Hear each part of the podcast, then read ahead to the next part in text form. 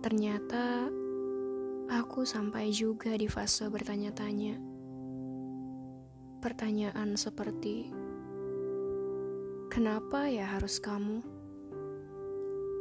Setelah luntang-lantung gak jelas selama tiga tahun, menunggu sesuatu yang kemungkinan datangnya mustahil, bahkan menolak yang mengetuk.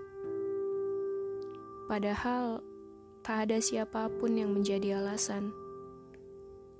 Mungkin selama ini aku termakan halusinasiku.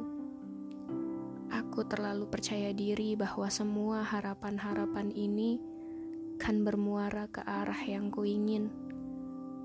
Bahkan saat tak ada lagi jalan di sana, aku tetap memaksa dan bertaruh pada harapan kosong.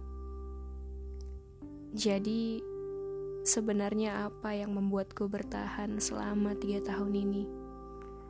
Sedang aku tahu, sampainya hanya pada jurang tanpa kehidupan. Seluruh tenaga telah kukerahkan. Namun, nampaknya kesia-siaanlah buah yang kudapat. Tidakkah kamu tahu? Atau tahu tapi tak mau tahu?